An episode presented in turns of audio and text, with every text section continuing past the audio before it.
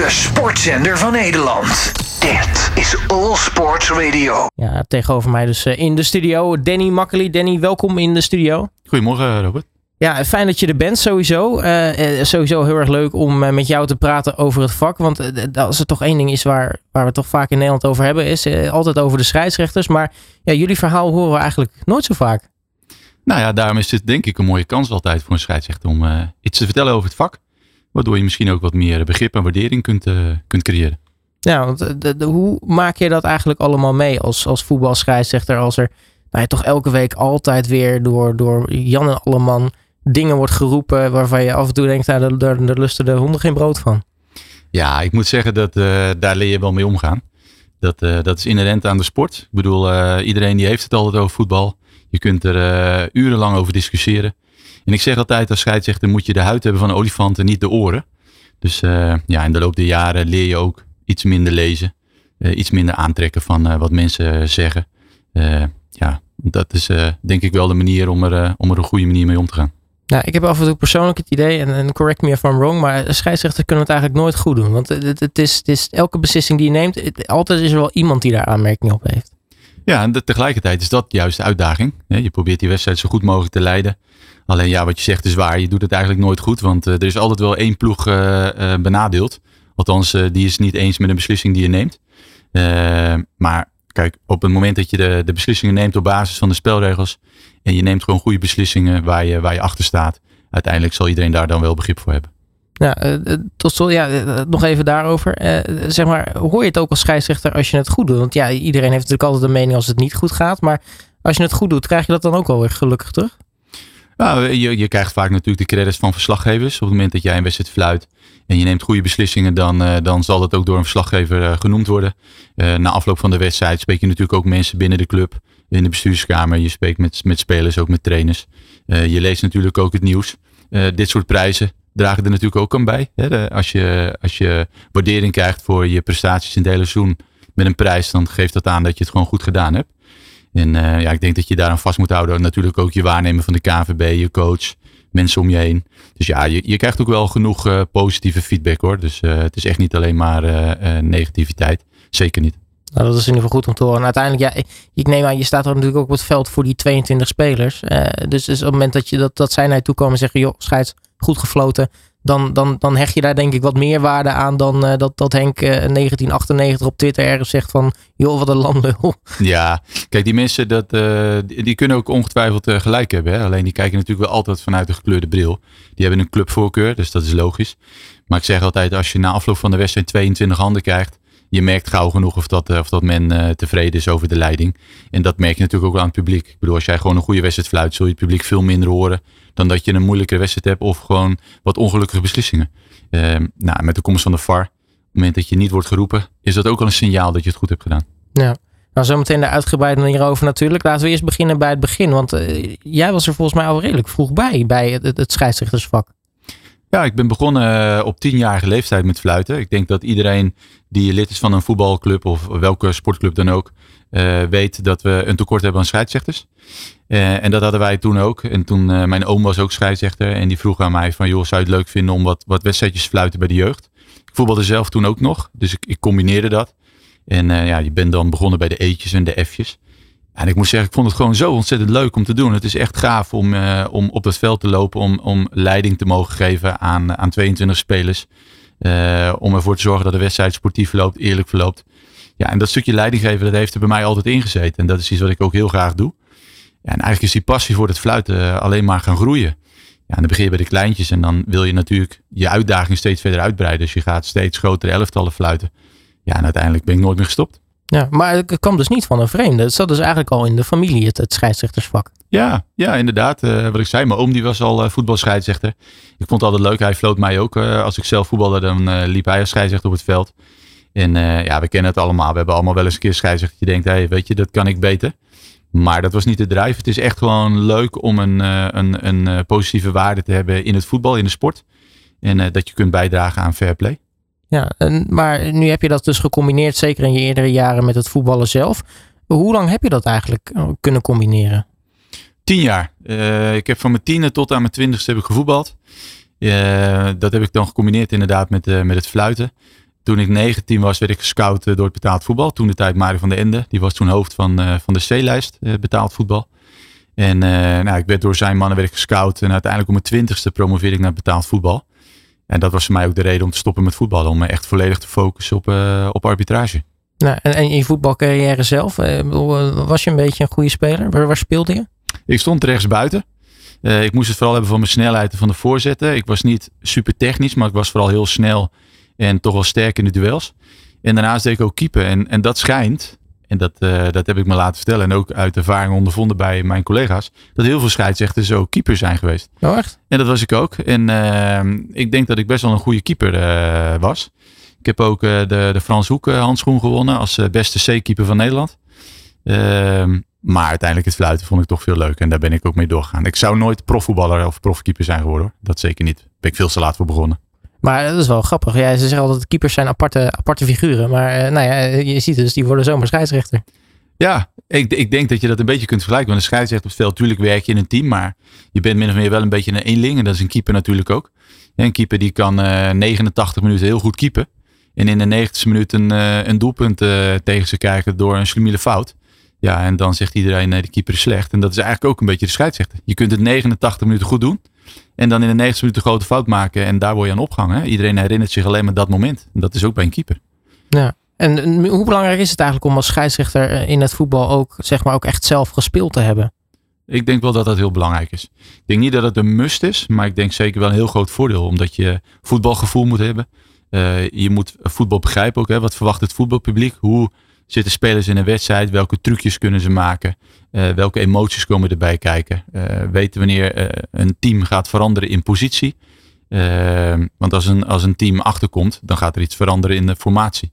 Nou, dat, dat heb je natuurlijk als voetbal allemaal zelf meegemaakt. Dus ja, dat is wel een heel grote plus natuurlijk. Ja, het is natuurlijk zo anders om er tussen te lopen dan hè, het beeld wat je vanaf de tv ziet. daar heb je een mooi overzicht van het hele veld.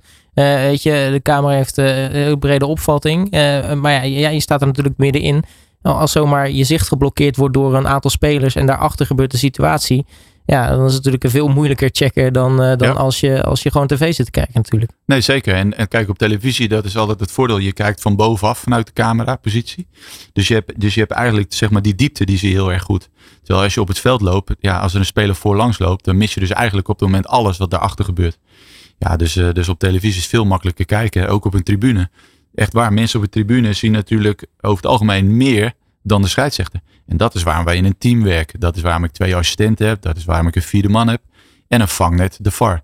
Dus uh, om, om dat goed te laten verlopen, ja, dan moet je een, een, goed team hebben. Dus goed samenwerken, dat is erg belangrijk. Vertrouwen, afspraken nakomen. Ja, en ook gewoon impopulaire beslissingen durven te nemen. Ja, nou, begonnen bij de, bij de amateurs dus. Uh, nee, je zegt al, uh, tien jaar kunnen combineren het fluiten en het voetballen.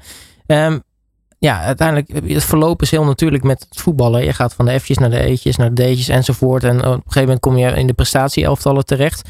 Um, maar hoe zit dat eigenlijk met, met het scheidsrechteren? Want uh, nou ja, je zegt al, je wil toch je grens verleggen. Je wil steeds hogere wedstrijden gaan fluiten. Maar, maar hoe word je daarin begeleid als je zo jong begint. Totdat het moment is dat je inderdaad gescout wordt voor de nationale C-lijst. Ja, op het moment dat je scheidsrechter wil worden, geef je natuurlijk op bij de KNVB. Nou, daar zijn, uh, daar zijn cursussen voor. Dus uh, je volgt zo'n cursus dat je dan uh, scheidsrechter wordt. En, en, nu kun je dus scheidsrechter worden voor de vereniging. of je kunt scheidsrechter worden gelijk voor de KNVB. Ehm, en je kunt starten bij de jeugd of starten bij de senioren. Nou, ik, ik ben me gelijk begonnen op 16-jarige leeftijd bij de senioren. Dat deed ik heel bewust, want ik had gelijk het doel, ik wil betaald voetbal halen. En als je begint in de jeugd, zul je uiteindelijk na een aantal jaar de overstap moeten maken naar de senioren. Want je kunt alleen vanuit de senioren doorpromoveren richting betaalde voetbal. Dus ik dacht, als ik gelijk bij de senioren begin, dan win ik weer een aantal jaar. Ja. Alleen als je 16 bent in die tijd was dat vrij ongebruikelijk dat je op zo'n jonge leeftijd bij de senioren begon. Nu nou, is dat precies waar heb je dat broekie. Uh... Ja, ja, zeker. Je bent heel jong, loop je tussen die senioren. Allemaal van die gelouterde voetballers die misschien wel van hogere uh, niveaus terug zijn gezakt. Dus, dus dat was toen heel uh, bijzonder, nu niet meer. Nu zie je dat dat gewoon heel gebruikelijk is. Uh, maar dan gaat er wel iemand met je mee en begeleiden. Die is drie wedstrijden met me mee geweest. Dat was toen Ad van Meerkerk, ex-betaald voetbalscheidsrechter. En die moest dan bekijken of dat ik goed genoeg was om bij de senioren te starten. Nou, na drie wedstrijden zei hij, ik heb het wel gezien, uh, jij, jij je wel. ga maar. En ik had voordeel, mijn vader ging altijd met me mee. Was mijn trouwe fan altijd. Dus uh, hij reed altijd. Ik had natuurlijk nog geen rijbewijs. Hè? Nee, ja, dat, dat komt er natuurlijk ook nog bij. Ja. ja, ik was om mijn 16 dus begonnen, dus nog geen rijbewijs. Mijn vader die bracht me overal naartoe. En mijn vader was uh, een ex-marinier. Nou, kan je wel vertellen als je als jong broekje op zijn veld staat en je bent een beetje bang, maar je weet dat er een marinier langs de lijn staat. Dat als het fout gaat, dat hij er is. Ja, dat geeft je wel een hoop zelfvertrouwen. Ja, want dat is natuurlijk iets wat we zeker de laatste jaren heel erg in het amateurvoetbal zien. Uh, ja, als scheidsrechter ben je nou ja, soms helaas niet altijd je leven zeker uh, als je bij de amateurs fluit. Helaas. Dat, dat zeg ik echt. Dat, uh, dat is gewoon uh, iets wat niet mag gebeuren. Ik bedoel, zonder scheidsrechter geen voetbal. die man of vrouw die staat er ook zijn hobby uit te oefenen. Zonder hun kan de hele sport niet doorgaan. Dus we moeten ontzettend dankbaar zijn. En natuurlijk, elk incident wat op het veld gebeurt is gewoon not done. Is, is gewoon onacceptabel. Ik moet wel zeggen dat de incidenten die blijven ons bij. Hè? Kijk, we hebben elk weekend hebben we ruim 30.000 wedstrijden. Uh, en dan, kijk, 95, 96 procent gaat gewoon natuurlijk gewoon heel goed. Ja. Alleen die wedstrijden waar het misgaat, ja, dat, elke wedstrijd waar het misgaat is één te veel. Ja, en daar is nu heel veel aandacht op bij de KVB natuurlijk. Dus uh, ja, we hebben daar allemaal natuurlijk onze verantwoordelijkheid in. Niet alleen de scheidsrechter, maar spelers, de coaches, de clubs. We moeten het met z'n allen doen. Nou, nu uh, zeg je al, je, je werk je dan op. Je begon al bij de, dan de senior op 16-jarige leeftijd. Uh, hoe moeten we dat dan zien, die weg richting de top? Want ga jij dan ook zeg maar mee met de klasses? Dus je, je begint in de vierde klasse te fluiten ja. uh, en dan werk je zeg maar omhoog tot, tot de eredivisie? Ja. ja, je begint in de wat lagere niveaus natuurlijk, want je moet ergens beginnen. Dus je begint onderaan de ladder. En dan elk seizoen word je gerapporteerd. Dus je krijgt, per seizoen krijg je een aantal keer een rapporteur langs de lijn staan. Die maakt voor jou een beoordelingsrapport op. En, en dat maakt weer de ranglijst met al jouw scheidsrechters in die groep. En als je bovenaan eindigt, dan kom je op een promotieplaats en kun je een niveau omhoog. Nou, zo zijn er binnen het amateurvoetbal verschillende niveaus. En als je daar zeg maar steeds verder naar boven gaat, ja, dan kom je op een gegeven moment uh, bij de landelijke lijst aankloppen. Nou, de landelijke lijst is de vierde divisie, voormalige hoofdklasse. Krijg je derde divisie, tweede divisie. En daarboven zit je natuurlijk al in betaalde voetbal. Dus ja, dat is, het, is, het is ontzettend mooi. Het zijn hele mooie stappen die je kunt maken. En als je toegewijd bent met het fluiten, je hebt talent. Uh, je bent sportief sterk. je hebt een goede kennis van spelregels. Je kunt goed leiding geven op het veld. Ja, dan kun je, kun je heel ver komen. Nou, ik ben eigenlijk wel benieuwd, want ja, in het amateurvoetbal kun je natuurlijk de gekste dingen meemaken. Wat, wat, wat, wat heb jij zo al meegemaakt in je, in je beginjaren als, als jonge scheidsrechter? Ja, dat kan van alles zijn. Het kan zijn dat wedstrijden die moest staken vanwege het weer, dat het, het gaat omweren. Kan zijn, ik heb een keer meegemaakt dat de verlichting uitviel en de verlichting wilde niet meer aan.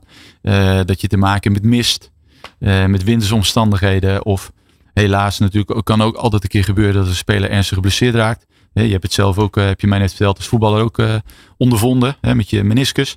Ja, dat, dat, dat overkomt je. Dat, dat er soms misschien wel een speler met een beenbreuk, waardoor spelers niet meer verder kunnen. Ja, dat, dat zijn situaties, is niet leuk, maar ja, het is all in the game. Ja, en hoe ga je daar eigenlijk mee om? Want ik, ik moet zeggen, ik, ik maakte het pas geleden in de uh, promotie-degradatie tussen de tweede divisie en derde divisie mee. Speler van VVSB op bezoek bij Dovo, die brak in de wedstrijd zijn enkel. Ja, dat, dat, dat zijn ook momenten waar je zelf als scheidsrechter ook zoiets van, ah shit, ik, hoe moet ik hiermee omgaan?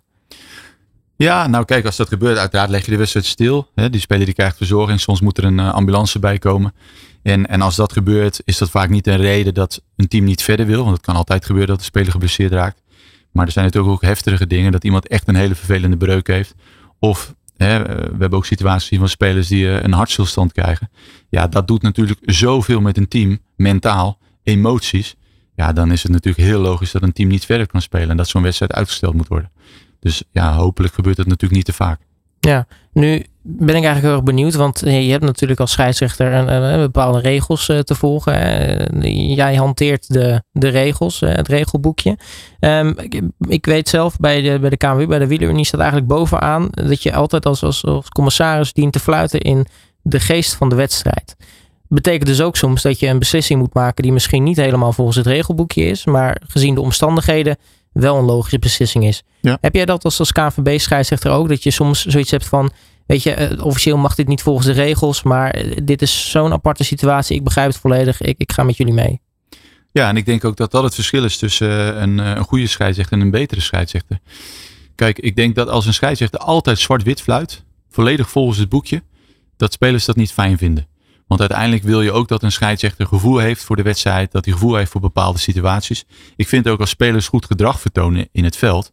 Dan moet je dat soms ook gewoon belonen. Ja, dan moet je soms ook wel eens een keer iets door de vingers zien. En dan hebben we het natuurlijk niet over hele duidelijke situaties zoals strafschoppen. Want die kun je natuurlijk niet door de vingers zien. Mhm. Maar je kunt best wel eens een keer in plaats van misschien een gele kaart. eens een keer een waarschuwing geven. Of een keer niet fluiten of een keer extra fluiten. Ik bedoel, dat, dat hoort erbij. En eh, als je als scheidsrechter dat aan kan voelen. Dat je die wedstrijd zodanig kan leiden dat iedereen plezier beleeft aan het spel. Zonder dat je de spelregels echt aan de kant zet. Maar daar op een soepele manier mee omgaat. Ja, het is eigenlijk net hoe je ook met je kinderen omgaat. Ik bedoel, eh, als je kinderen opvoedt, zie je ook wel eens iets door de vingers. Ja. En laat je ook wel eens een keer iets gaan. Dat, dat, is, dat is in het voetbal niet anders. En, en ik zeg altijd, eh, binnen dat veld, je hebt die lijnen. Binnen die lijnen zijn die spelregels. Maar je hebt wel binnen dat lijnenspel heb je ruimte om daar jouw manier van leiding op aan te passen. En als je dat op een manier doet die ten goede is van de wedstrijd. Ja, dan denk ik dat iedereen daar alleen maar eh, veel plezier aan beleeft. Nou, moet ik dan denken aan de situatie bijvoorbeeld een, een aanvaller die zich de hele wedstrijd keurig gedraagt, echt een modelprof is. Maar ja, we weten ook aanvallers die gaan verdedigen, het loopt niet altijd even goed af, maar gewoon iets zo stoms doet. Niet heel ernstig, maar gewoon heel stom iemand te laat tackelt dat je zegt van, was niet zo slim jongen, maar eh, ook Ja. gewoon vrij trap. Ja, zeker. Ja, absoluut. Dat is een heel mooi voorbeeld. Ik, ik, bedoel, eh, dat is een voorbeeld dat je een keer een speler bijvoorbeeld niet die gele kaart geeft. Of kijk, er zijn altijd momenten dat een gele kaart misschien een 50-50 is. We hebben het niet over de hele duidelijke gevallen, de 50-50. Nou ja, als een speler laat zien dat hij de hele wedstrijd bijvoorbeeld heel goed gedrag vertoont, heel positief is. Het is een hartstikke mooie wedstrijd. En een speler die maakt misschien net een keer een overtreding, nog niet eens heel bewust, maar het ging per ongeluk. En het is zo'n 50-50. Nou, ja, geef het eh, de voordeel van, eh, van de speler.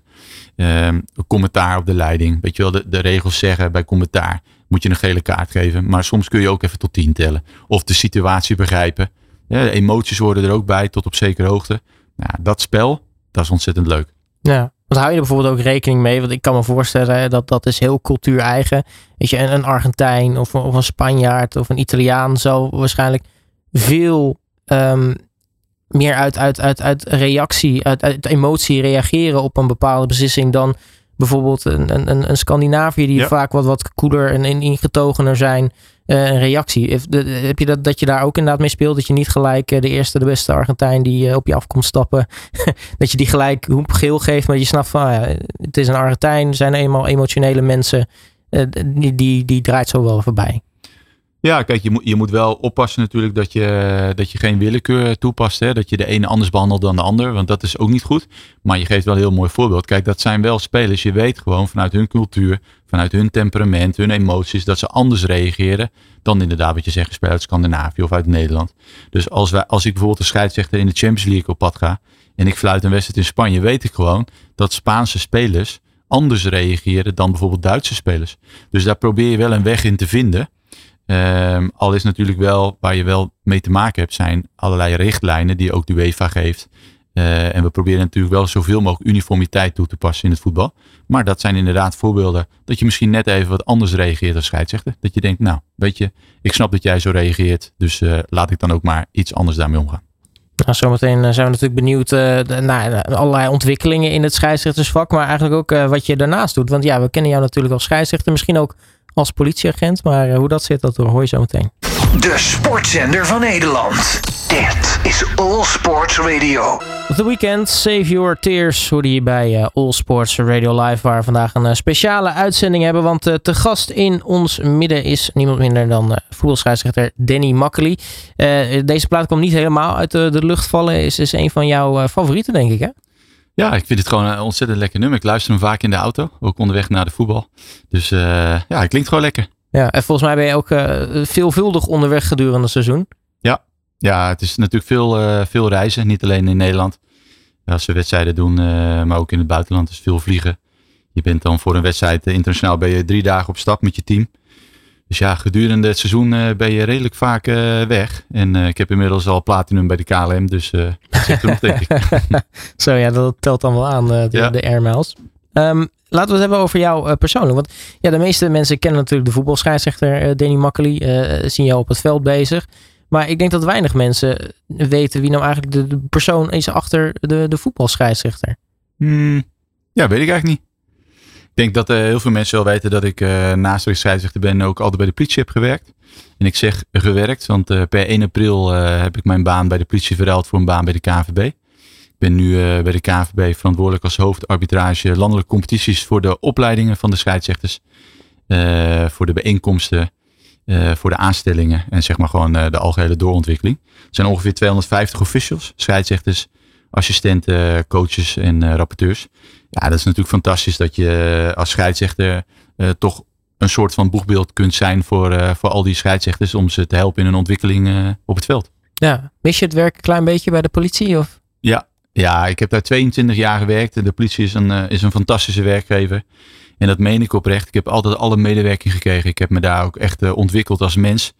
en ik denk ook als je het vak scheidsrechter en politieagent met elkaar vergelijkt, zijn er ontzettend veel parallellen.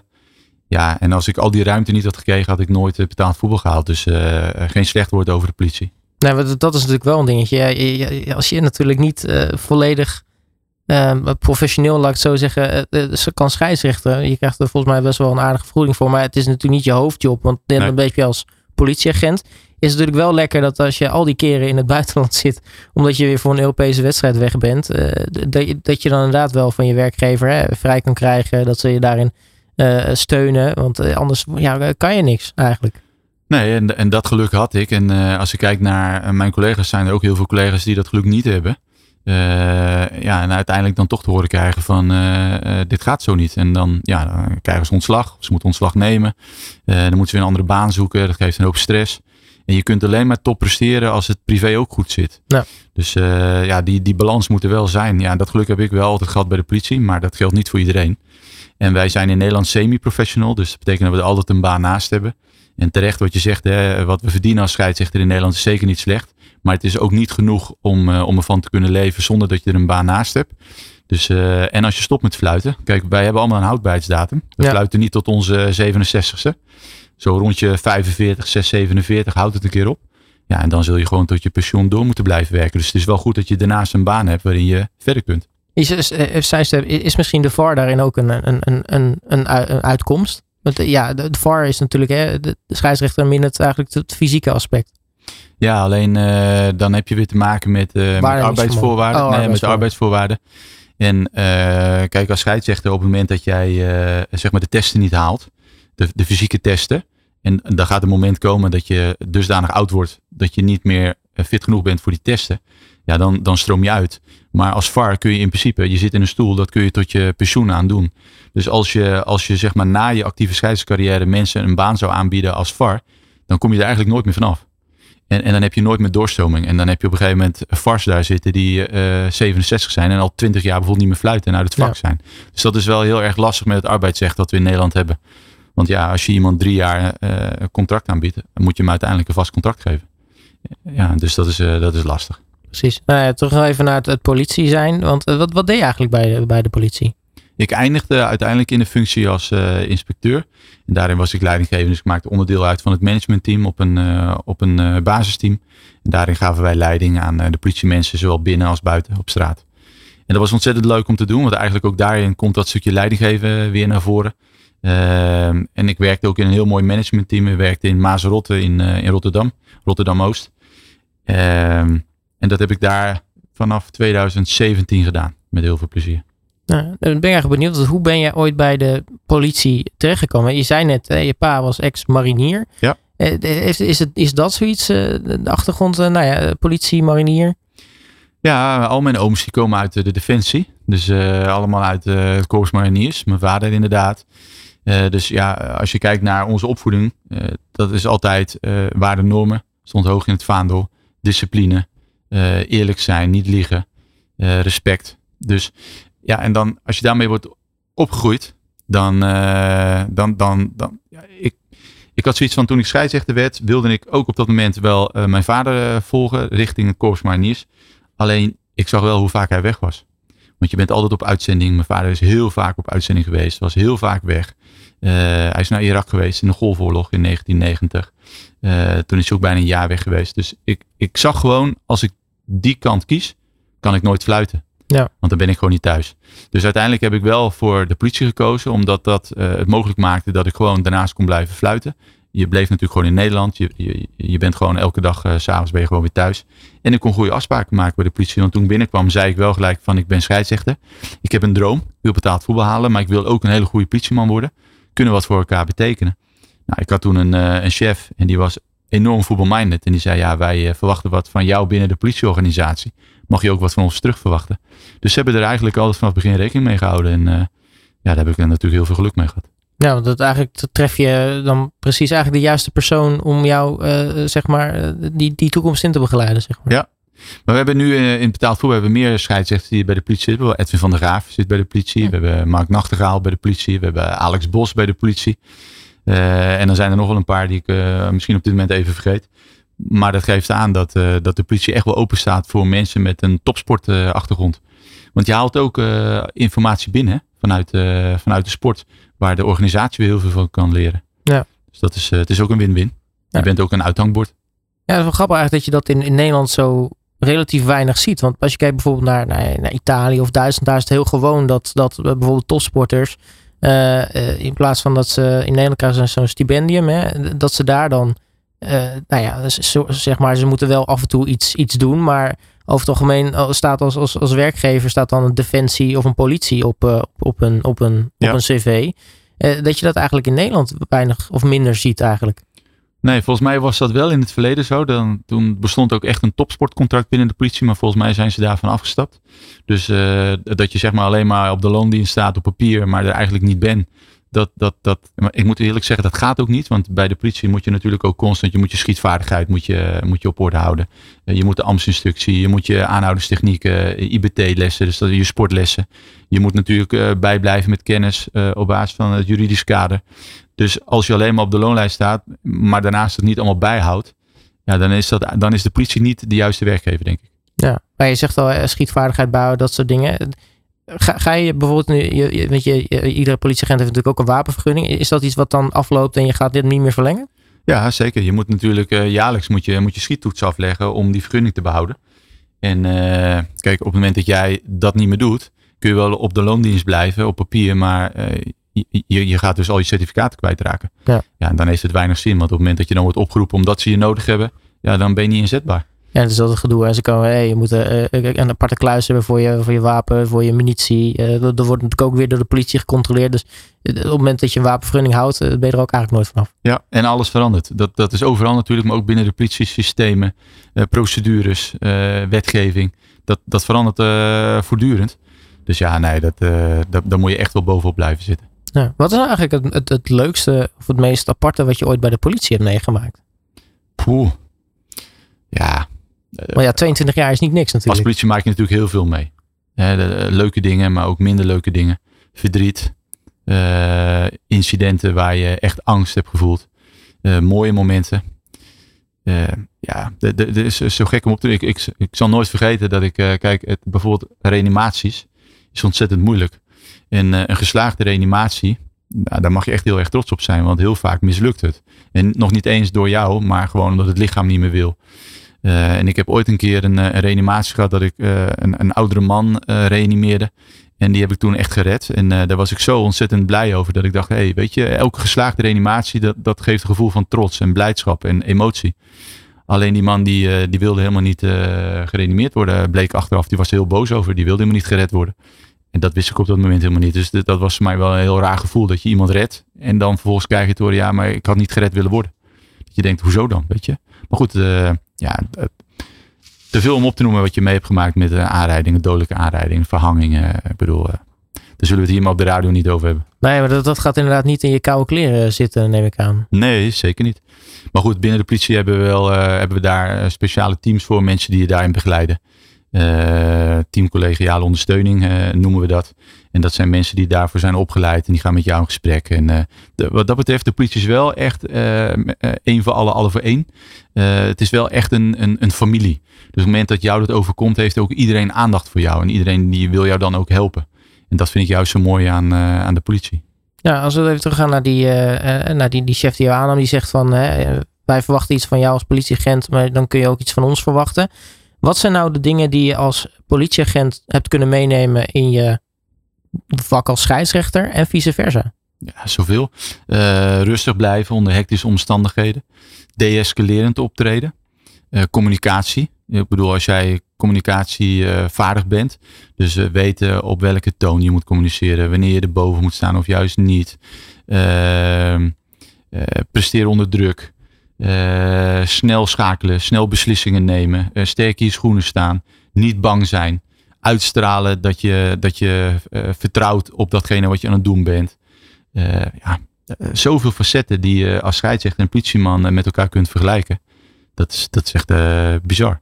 Nou, ik bedoel, als je op het veld staat en dan komen 22 man op je afrennen, dan, dan, dan leer je er wel iets van dat, nou ja, als je als politieagent ergens bent en, en, en er zijn mensen boos op je, dan in ieder geval een beetje schakelen nog, zeg maar. Ja, of dat je inderdaad op het veld zoveel spelers hebt die op je afkomen en of je staat buiten op straat en je moet grootschalig optreden. En, en er staat een hele menigte voor je ja, dan moet je natuurlijk ook daarin snel kunnen schakelen. Je moet het overzicht kunnen bewaren. Je moet met je collega's kunnen samenwerken. Uh, je moet op mensen kunnen inpraten. Ja, en je moet gewoon uh, zelfverzekerd zijn. Sterk in je schoenen staan. En ook impopulaire beslissingen nemen. Doe je natuurlijk als politieman ook. Je moet ook beslissen van nu gaan we aanhouden. Uh, of nu niet aanhouden. Of nu gaan we fysiek geweld toepassen. Of nu gaan we wel die bekeuringen uitschrijven. Of nu gaan we wel die woning binnenvallen ja, dat, dat, dat leer je allemaal bij de politie en dat vertaal je eigenlijk naar de, naar de praktijk op het veld. Nou, nu ben jij als, als een van de beste scheidsrechters van Nederland uiteraard ook eigenlijk misschien toch een soort van BN'er. De meeste mensen die voetbalfan zijn althans, en dat zijn er heel veel in Nederland, die weten wel wie jij bent. Heb jij ooit ook als politieagent gehad dat mensen jou inderdaad gewoon herkenden van eh, eh, Danny Makkely, huh? hoe dan? Ja, heel vaak. En, en dat, eigenlijk was dat juist mijn kracht. Omdat uh, als je als politieman of vrouw bij een, eh, bij een melding komt, zijn er natuurlijk heel vaak mensen die zijn boos. En uh, die willen eigenlijk helemaal niet dat de politie komt. Of die hebben een bepaalde aversie of agressie richting de politie. En als ik dan aankwam met mijn, met mijn collega's, dan liep ik vaak voorop. En niet omdat ik de sterkste ben. Maar ik liep dan voorop omdat, omdat ik wel bekend ben. En als mensen mij dan herkennen, dan zeiden ze... Hé, hey, je, bent toch, uh, je bent toch die scheidsrechter? Je bent toch makkelijk? En dan zei ik, ja, dat klopt. En dan merkte je dat, dat ik een soort afleider was mensen die vergaten eigenlijk hun boosheid richting de politie. Omdat ze uh, eigenlijk verrast werden door het feit dat er iemand voor hen stond die ze kenden van de voetbal, van de televisie. En dat maakte juist die opening dat ik met mensen in gesprek kon. Want, want je wel gelijk, het, uh, je breekt het ijs gelijk. Ja. Want je hebt gelijk een gesprek. Dan zeg je, ja klopt. En uh, voor welke club ben je dan? Weet je wel, en vind je dat ik het een beetje goed doe?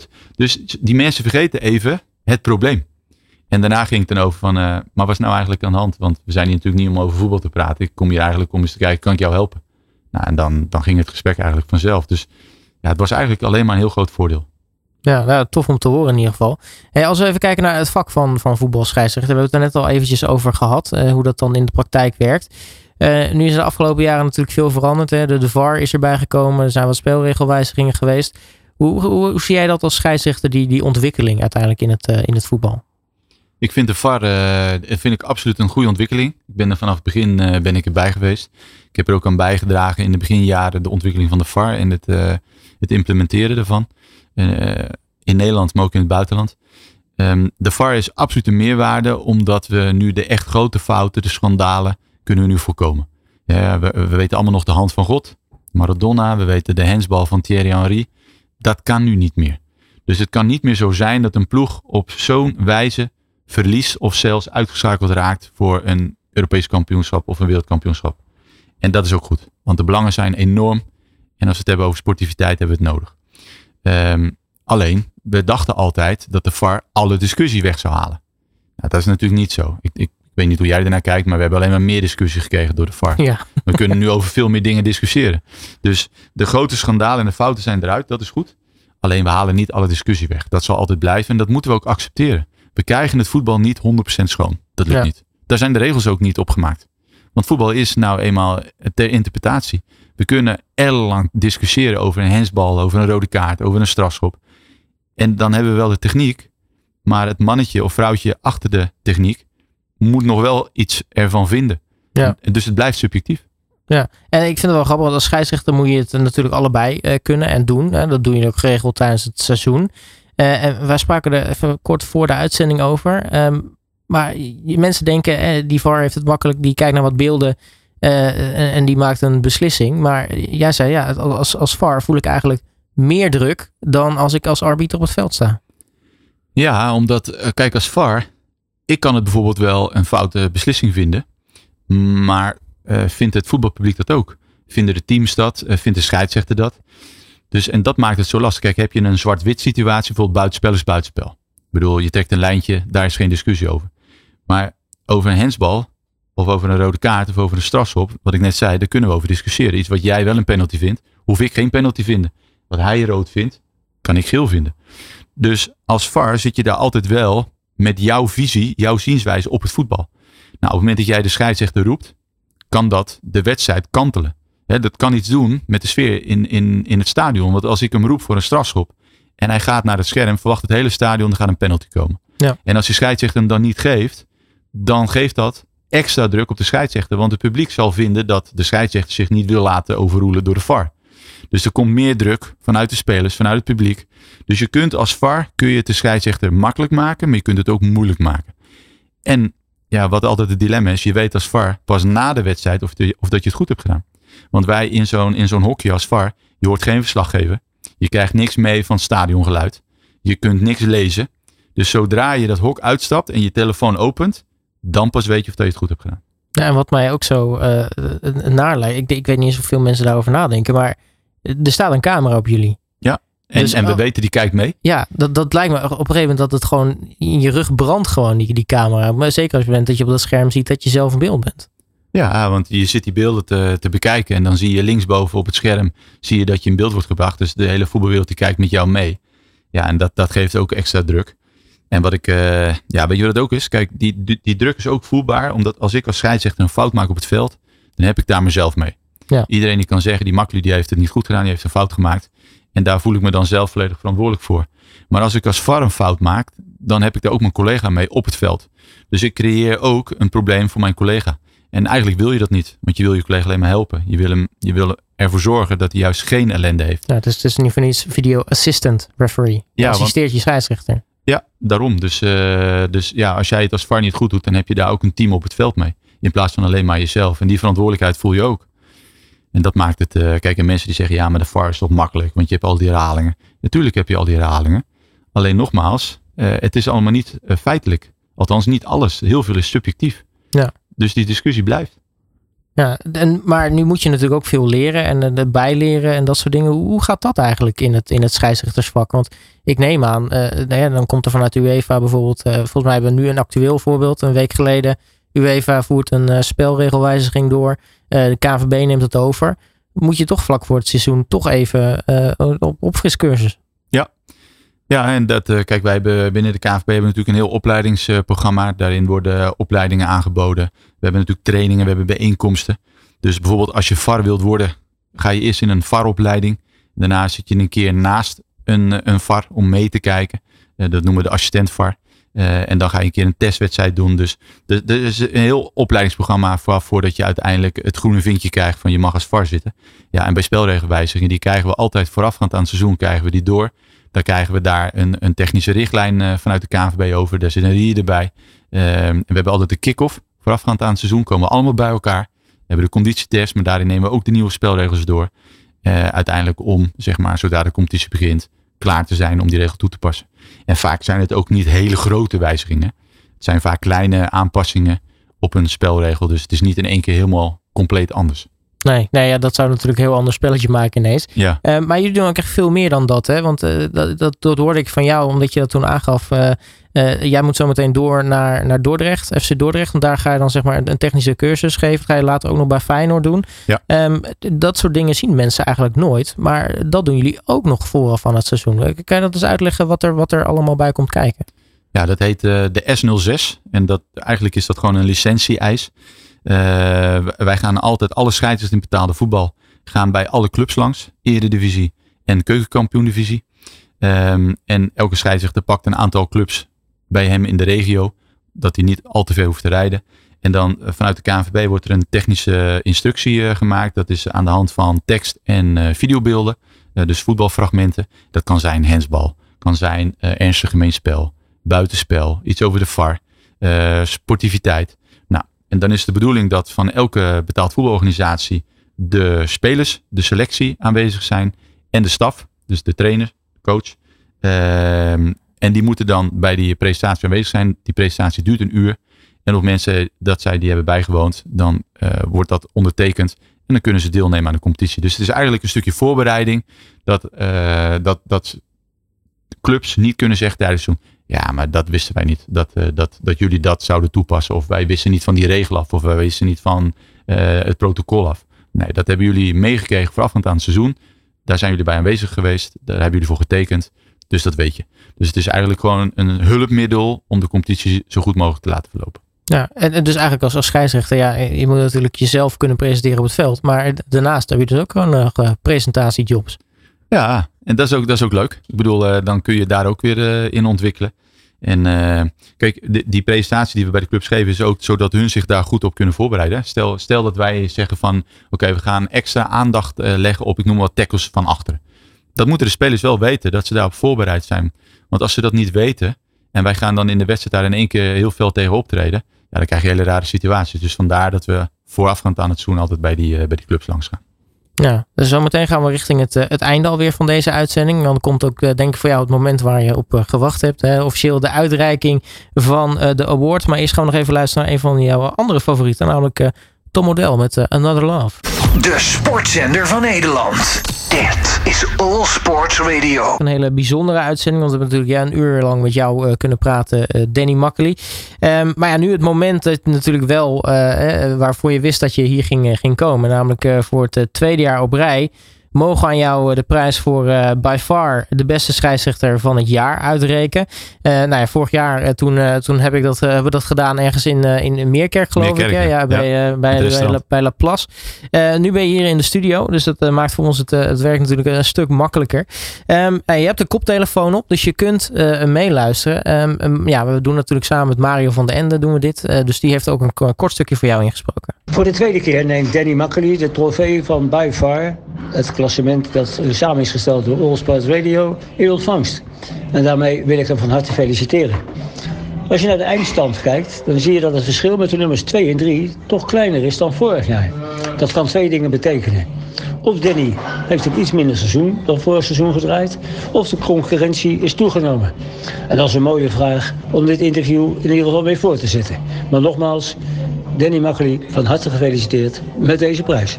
Ja, Mario maakt dat op mijn, mijn job een stuk makkelijker. Je komt al met een mooie vraag. Want, Leuk. want nou ja, het, het, verschil is dus inderdaad uh, kleiner geworden tussen jullie. Merk je dat een beetje, dat, is er eigenlijk een beetje concurrentiestrijd? Ja, tuurlijk. En kijk, dat die verschillen kleiner worden is alleen maar goed. Want dat betekent dat de arbitrage zich ontwikkelt. Dat er meer scheidsrechters zich ontwikkelen richting de top.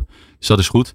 En ik denk ook dat Mario gelijk heeft dat het afgelopen seizoen vanuit mei ook gewoon iets minder was dan het jaar daarvoor zeg ik ook gewoon heel eerlijk. Het afgelopen seizoen heb ik gewoon een wat, wat moeilijker seizoen gehad. En uh, dus ik denk dat de combinatie is van en dat ik iets minder gepresteerd heb. En dat anderen ook gewoon beter gepresteerd hebben dan dat ze het jaar daarvoor hebben gedaan. Ja, ik moet wel zeggen, cijfertechnisch uh, uh, heb je het eigenlijk beter gedaan dan vorig seizoen. Nu had je een 6,1 en vorig jaar was het een 6. Overigens, voor de mensen die denken van lage cijfers. Eens en voor altijd ik even de wereld uit helpen. zeg maar, de cijferrange gaat van zeg maar 4 uh, tot en met 8, zeg maar. Uh, dus, dus, dat is even. Dus dan is eigenlijk ja. een 6 is, is dikke prima natuurlijk. Maar um, ja, dus, dus je merkt wel dat, dat die concurrentie. Maar dat is, dat is inderdaad beter, zoals je zegt. Want nou ja, hoe meer mensen uh, goed fluiten, hoe beter natuurlijk het niveau wordt in Nederland en, en de wedstrijden ook beter verlopen. Ja. Nee, dat, dat is ook zo. Dus dat is een hele goede ontwikkeling. En uh, ja, wat ik zei, ik heb natuurlijk het afgelopen seizoen hadden we ook het, uh, het WK tussendoor. In plaats van in de zomer uh, vond dat natuurlijk plaats midden in het seizoen. Dus dat betekent toch dat je in de voorbereiding na het WK in Nederland toch een klein beetje met de handrem erop loopt. Omdat je bang bent dat je misschien geblesseerd raakt. Of dat je uiteindelijk niet fit aankomt op het WK. Dus dat was ook een hele vreemde situatie. Dus ja, dat deed ook iets fysiek en mentaals met je uh, in, in de Nederlandse competitie. Nou, uiteindelijk kom je terug van het WK. Daar had je natuurlijk ook gewoon uh, een doelstelling, een droom. Nou, uiteindelijk heb je dan niet de finale mogen halen. Nou, dan kom je terug. En dan moet je eigenlijk gelijk weer de competitie in. Dus de teleurstelling kun je ook nog niet helemaal uh, verwerken. Dus ja, dus, dus het afgelopen seizoen was voor mij een, uh, een ander seizoen, laten we maar zeggen, dan de seizoenen daarvoor. Dus, uh, maar goed, de doelstelling voor komend seizoen is natuurlijk drie keer de scheepsrecht. Precies. Ja, dat zou natuurlijk helemaal mooi zijn. Drie op rij. Ik wou net zeggen, want ik bedoel, elke prijs is leuk. En, uh, en de waardering ook. Dus uh, we gaan gewoon weer voor de, de, drie keer op rij. Ja, ik ga hem hierbij, dat zien de mensen natuurlijk niet op de radio, althans we worden nu gefilmd. Uh, die hierbij de prijs. Van harte gefeliciteerd Danny. Dankjewel. Um, toch even, wat, wat doet zo'n prijs eigenlijk met jou als, als, als scheidsrechter? Want ik, ik neem aan, ja, weet je, zeker voor een tussen aanhalingstekens misschien een klein beetje een ondankbaar beroep. Uh, is het natuurlijk wel fijn als je de waardering krijgt. Nee, zeker. Ik bedoel, uh, elke waardering die je krijgt in de vorm van een prijs of alleen al uh, bij woord is natuurlijk heel fijn. Het is mooi als, als mensen waarderen wat je doet. Iedereen die vindt het fijn om een schouderklopje te krijgen of om te horen dat je het goed doet. En kijk, de aandacht ligt altijd op de spelers en dat hoort ook. Voetbal is voor de spelers, voetbal is voor het publiek. Maar de scheids is natuurlijk wel een wezenlijk onderdeel van de sport. En dan vind ik het leuk dat daar aandacht voor is. En, en dat wordt door jullie gedaan. Er wordt ook door andere media gedaan. En ik denk dat dat juist heel erg goed is. Want we willen uiteindelijk ook meer scheidsrechters. We willen dat vak enthousiasmeren. Dus als daar waardering voor uh, wordt geuit, dan is dat alleen maar uh, goed. Nou, hartstikke mooi. Tot slot, hoe, hoe werk jij nu naar komend seizoen toe? hoe, zie je dat, hoe zie je dat voor je, dat, dat seizoen? We, hebben nu, uh, we zitten nu natuurlijk in de voorbereiding. Dus we hebben nu volop oefenwedstrijden. Dus ik uh, ga twee oefenwedstrijden sowieso fluiten. Voor aanvang van, uh, van het nieuwe seizoen. volop trainen nu. Ik ben net terug van vakantie. Dus dan heb je natuurlijk even een klein beetje gas teruggenomen. Nu gaat de gas er weer volop op. En ja, daar de Champions League. En we hopen natuurlijk volgend jaar is weer het Europees kampioenschap voetbal in, in Duitsland. En daar hopen wij met Team Makkeli weer bij aanwezig te zijn. Na het EK in 2021. Dus dat betekent gewoon eh, knallen, goed presteren en zorgen dat we geselecteerd worden. Ik ga er heel erg veel succes eh, bij wensen. Laten we hopen dat het allemaal mag lukken. Uh, Danny Makkely, mag je hartelijk danken voor je komst naar de studio. En dan natuurlijk heel erg veel succes ook uh, komend seizoen. En nogmaals gefeliciteerd met, met award. Dankjewel. Ik wil Allsports Radio bedanken en Mario van den Ende uiteraard voor deze mooie prijs.